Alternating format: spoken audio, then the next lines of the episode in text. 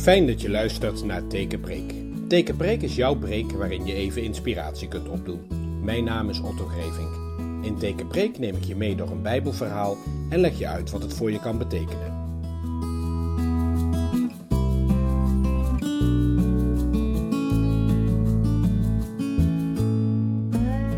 Ik lees voor je uit Jacobus 3 en 4 tot en met vers 12. Vrienden, in de kerk moet niet iedereen leraar willen zijn. Jullie weten dat de leraren door God extra streng gestraft worden als ze verkeerde dingen doen. En verkeerde dingen doen we allemaal. Alleen als je nooit iets verkeerd zegt, ben je volmaakt. Want als je de baas bent over je tong waarmee je spreekt, dan ben je de baas over je hele lichaam. De teugels van een paard zijn maar dun. Maar met die teugels kun je dat grote paard laten doen wat je wilt. Het roer van een schip is maar klein. Maar met dat kleine roer kan de stuurman het schip alle kanten op laten gaan. Ook als het schip heel groot is, ook als het heel hard waait. Net zo heeft ook onze tong veel invloed. De tong is maar een heel klein deel van ons lichaam, maar o, wat heeft die tong van ons veel praatjes.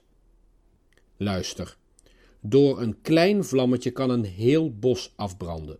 Onze tong lijkt op een vlammetje, maar dan een vlammetje van het vuur van de hel. Want onze tong doet veel verkeerd. Met dat kleine ding van ons lichaam maken we grote fouten. De slechtheid van onze tong maakt ons hele lichaam slecht.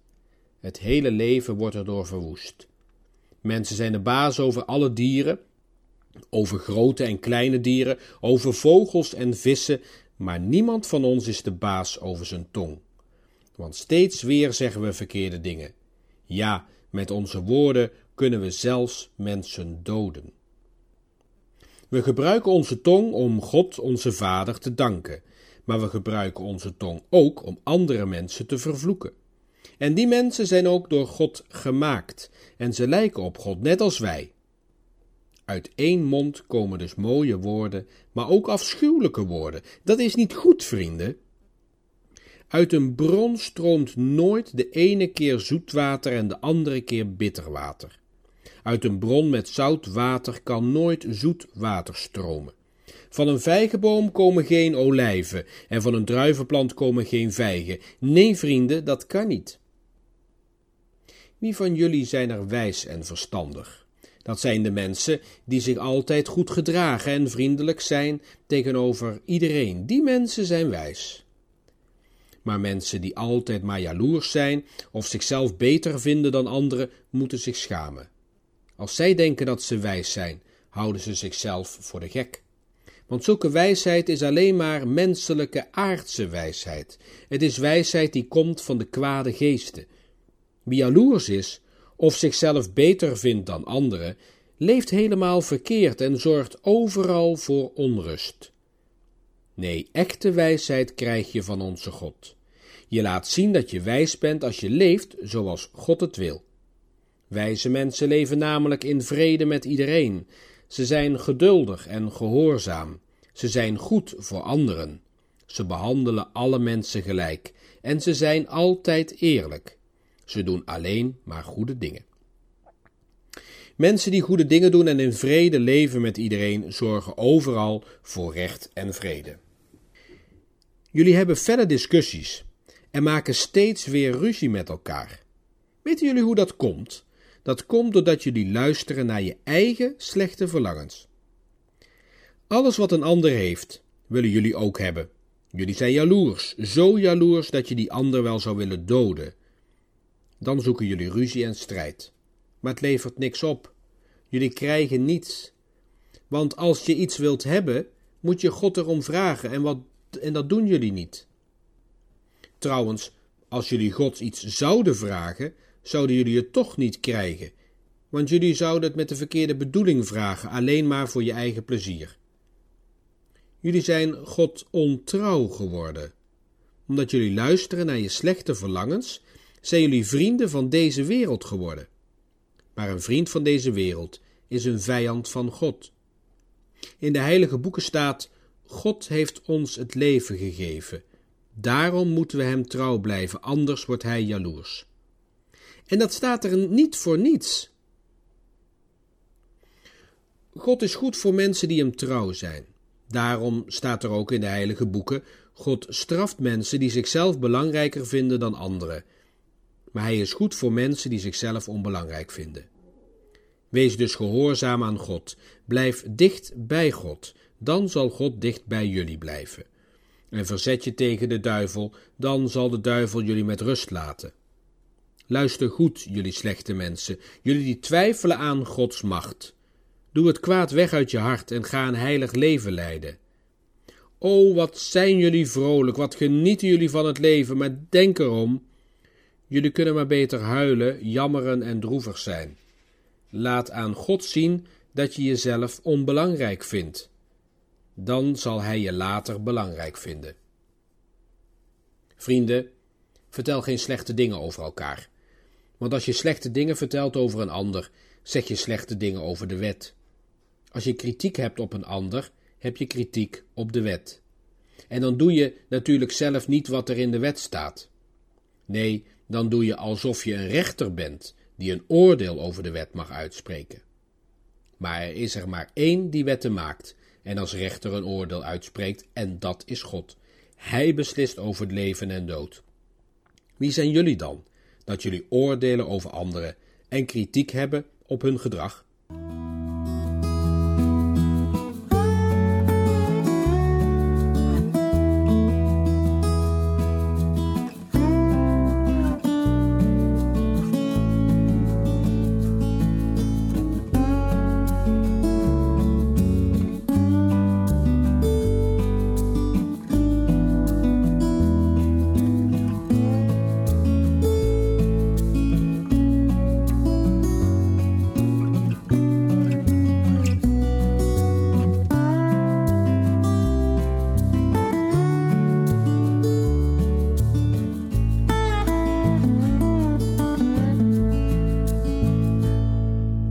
In de vorige podcast hebben we de gelovigen ontmoet aan wie Jacobus zijn brief schrijft. Jacobus, een Jood uit Jeruzalem, schrijft een brief aan gelovigen in de niet-Joodse wereld. Ze zijn door Paulus bekeerd tot het christendom. Maar ze zijn met diens woorden aan de haal gegaan. Ze staan heel anders in de wereld, of eigenlijk, ze staan buiten deze wereld. Ze zien de wereld waar ze in leven, maar zeggen dat ze er in wezen geen deel van uitmaken en dat deze wereld er eigenlijk ook niet toe doet. Hun geest heeft namelijk een goddelijke oorsprong, waarnaar hij zal terugkeren, verlost uit dit aardse bestaan. In de vorige podcast hebben we zo'n gelovigen ontmoet, die ronduit zijn geen boodschap te hebben aan andere mensen, want die maken deel uit van dit aardse bestaan. Hij is daar weliswaar ook in gevallen, maar hij zal er net als Christus uit verlost worden. De wereld draait om hemzelf. Alles draait erom inzicht te krijgen in het goddelijke. Een houding dus naar binnen toe. Hoe word ik verlost uit dit aardse bestaan?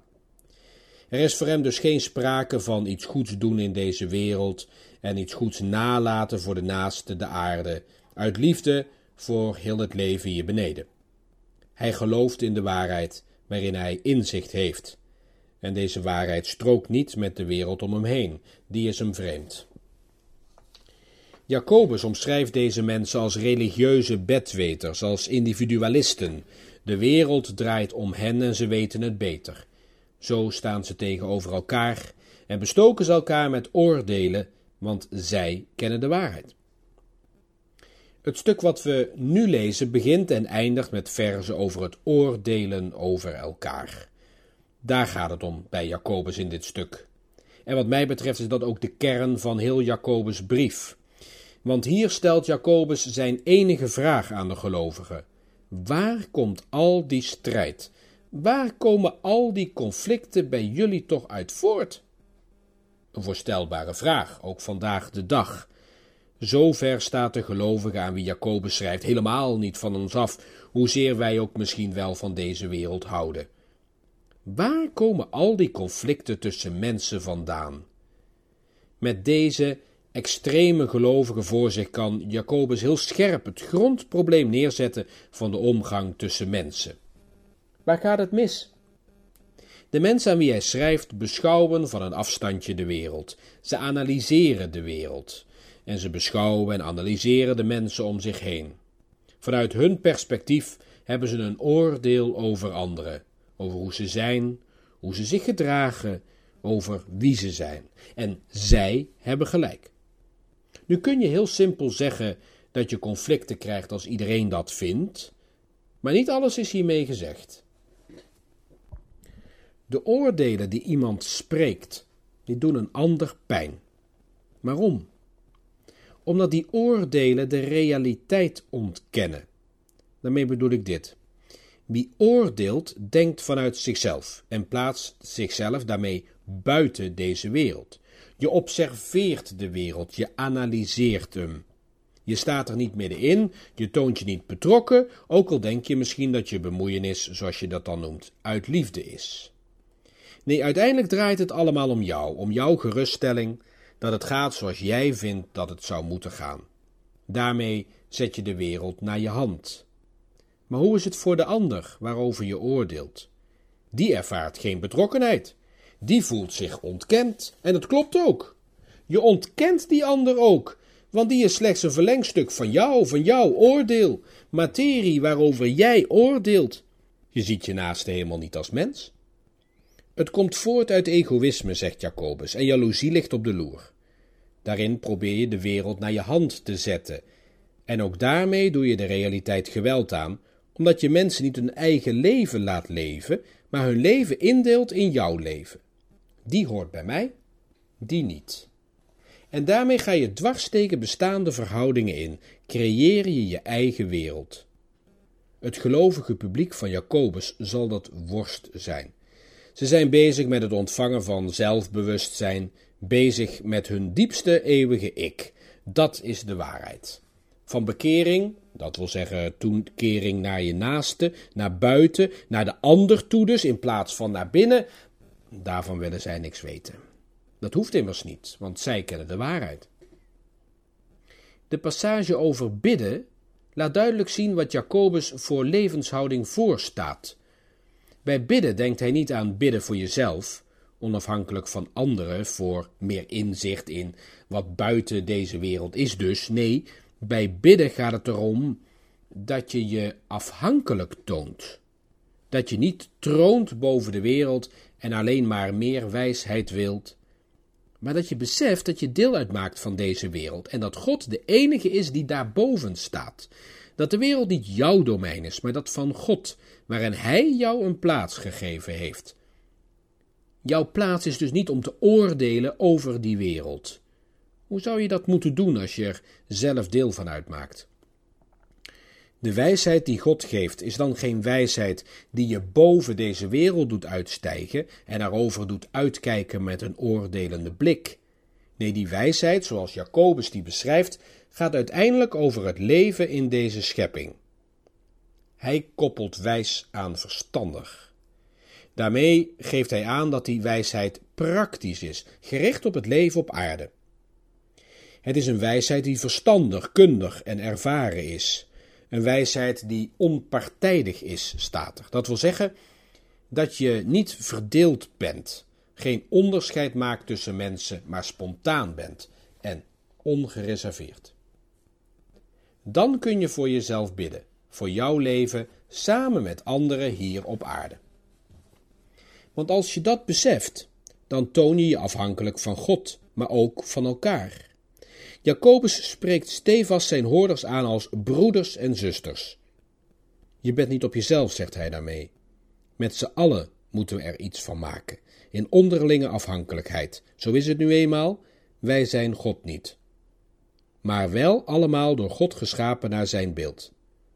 Dat betekent geen verwantschap met Hem, waarmee we onze, ons buiten de wereld kunnen plaatsen, maar een verwantschap met elkaar. We zijn van elkaar afhankelijk. Herinner je je nog van vorige week dat voorbeeld van die snelweg? De man die we ontmoetten, die zei dat u hem in de weg liep als u netjes met 120 inhaalde op de snelweg, terwijl hij met 150 ongestoord verder wilde gaan. En daarom viel het me juist op dat in het Brabants Dagblad een stuk stond over toekomstige functies van navigatiesystemen in de auto. Ik zeg er nu bij, dit schreef ik 13 jaar geleden op. de vraag is of er zoveel veranderd is.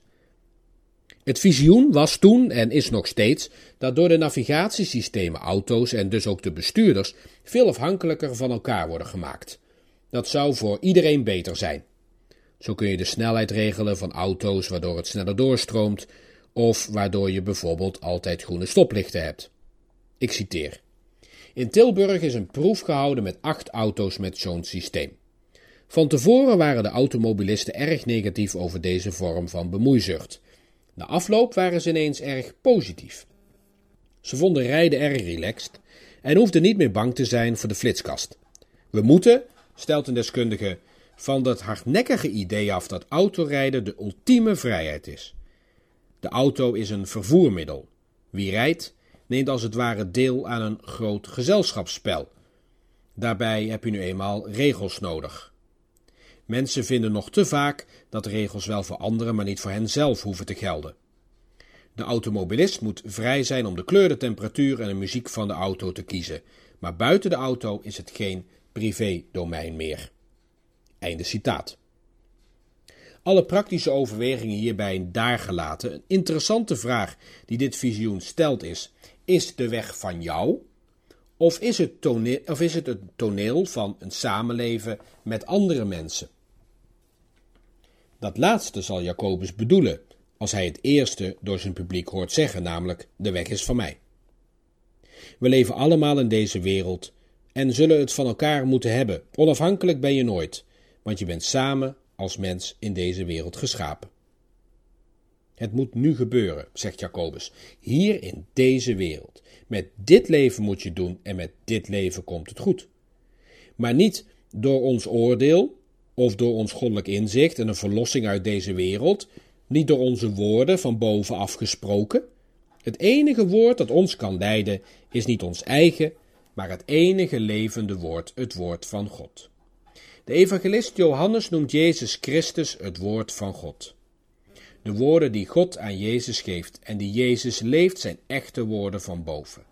Wijsheid van boven, zou Jacobus zeggen. Maar het zijn geen woorden van buitenaf, geen oordelen over deze wereld waarmee deze wereld wordt afgeschreven. Nee, zegt Johannes, alles is erdoor ontstaan en zonder dit is niets ontstaan van wat bestaat. Deze wereld komt voort uit de woorden van God die gestalte krijgen in deze wereld. Het is geen luchtfietserij. Er zij licht, zei God, en er was licht. Zo kreeg datzelfde woord van God gestalte in Jezus Christus. Met zijn sterven en opstaan reken hij af met wat niet strookt met Gods woord. Hij heeft zich niet van deze wereld losgemaakt en hem afgeschreven. Nee, hij is opgestaan in deze wereld. Hij heeft deze wereld van binnenuit vernieuwd. Door Hem te volgen in deze wereld krijgen we daar deel aan. Er is geen reden om over elkaar te oordelen. In die positie verkeren wij niet. We zijn allemaal mensen door God geschapen om in verbondenheid met Jezus Christus elkaar te dienen. We hebben een boodschap van God om een boodschap aan elkaar te hebben. Dat betekent ook elkaar laten. Daarmee bedoel ik niet dat we alsnog terugkeren naar een individualisme waarin ieder zijn eigen afgezonderde leven leidt, maar ik bedoel ermee een afzien van oordelende bemoeienis. Weten wat goed is voor een ander. Laat iemand anders anders zijn, wie hij of zij ook is. Maak van de vervreemding die je bij een ander ervaart, dat de ander andere dingen anders doet, geen oordeel. Hij of zij is jou niet. Ik moet daarbij denken aan het lied Laat me. Daar is iemand aan het woord die die vervreemding in zijn eigen leven ervaart. Voor hem geen oordeel, niet van hemzelf, maar ook niet van jou. Hij zoekt tussen kroegen en kathedralen, en zo blijft alles in evenwicht in deze wereld. Alles komt vanzelf voor elkaar als je hem laat blijven wie hij is. Hij toont zich afhankelijk van het leven, staat er zelf niet boven en nodigt uit op jouw eigen wijze het leven mee te leven.